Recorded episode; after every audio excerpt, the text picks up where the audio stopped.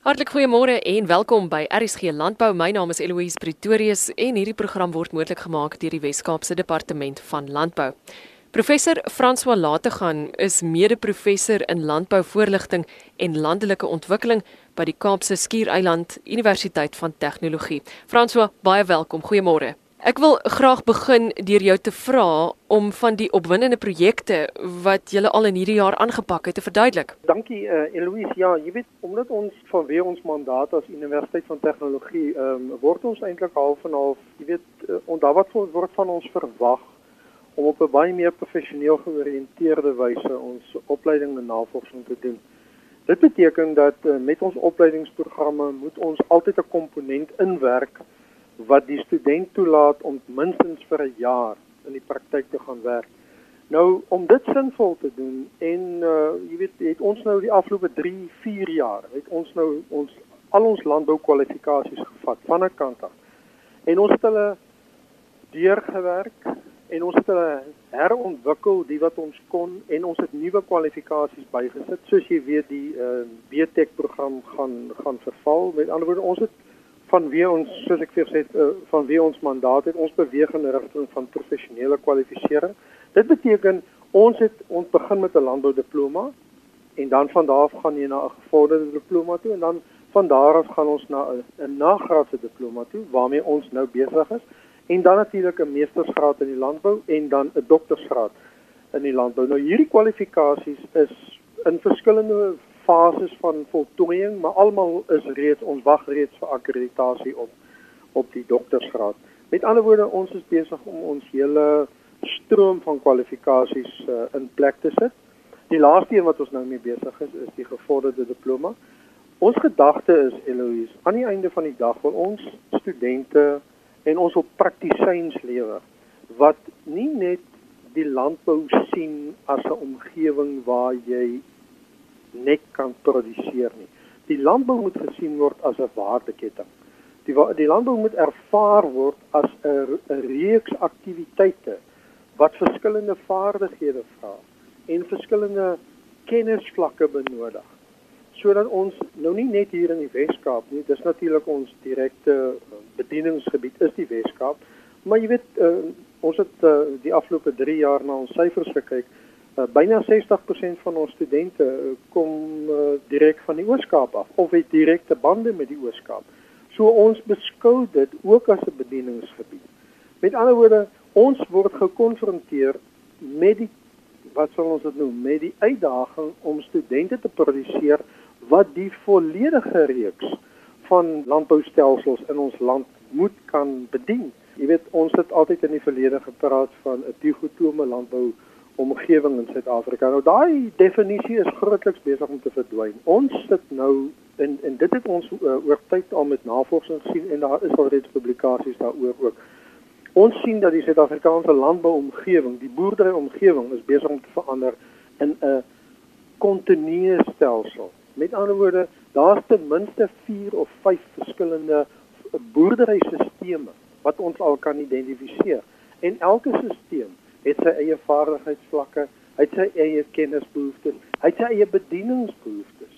Hy het sy eie insette en en strukture, kostestrukture en ons studente moet voorberei word daarop. Ons mandaat as die Universiteit van Tegnologie is natuurlik uitstekend geformuleer om ons toe te laat om kwalifikasies te ontwikkel om ons studente hiervoor voor te berei omdat hulle minstens 'n derde van hulle opleiding, met ander woorde die derde jaar van hulle opleiding, moet hulle vir 'n minimum van 10 maande in die praktyk wees, wat 'n leerervaring is. Dit is 'n geakkrediteerde leerervaring waar hulle 'n werksopdragte doen.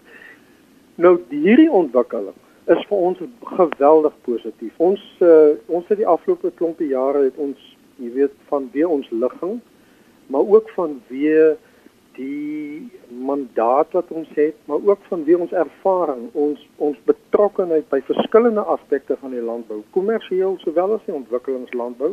Ons is gelukkig in ons departement het ons mense wat op verskillende vlakke al met die totale, wel ek wil byna sê met die totale landbou omgewing kontak gemaak het.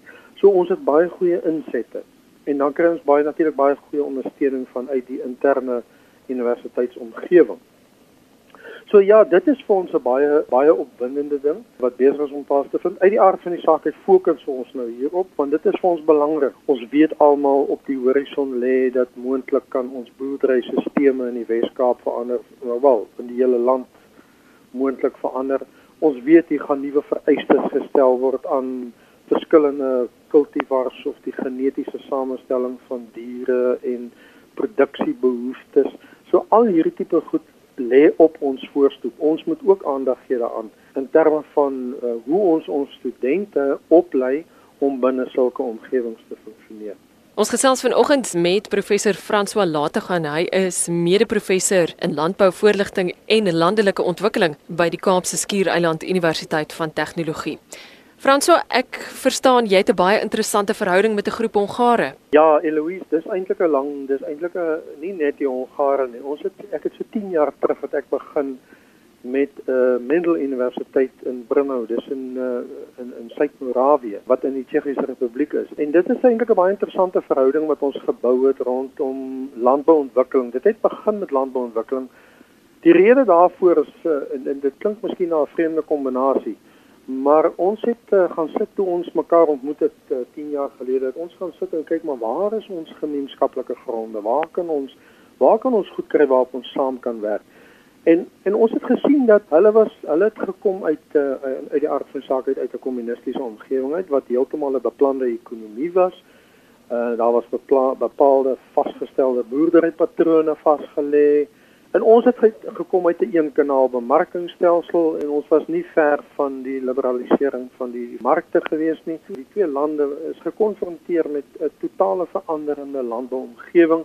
Ons het natuurlik nou nog die ander bykomende aspek gehad dat ons 'n geweldige klomp kleinboere gehad het wat moet inkom in die stelsel.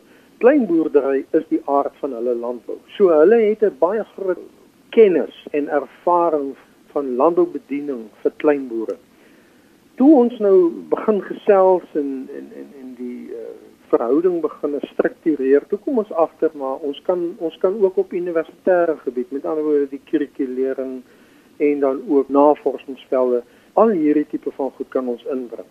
Goed, so het die verhouding aangegaan en so seker so 5 jaar gelede het ons besluit maar ons wil hierdie nie net ons nie, ons en Mendel Universiteit. Ons wil graag die ander sogenaamde Visegrad lande. Nou die Visegrad lande is Hongarye, Pole, die Tsjechiese Republiek, Slowakye.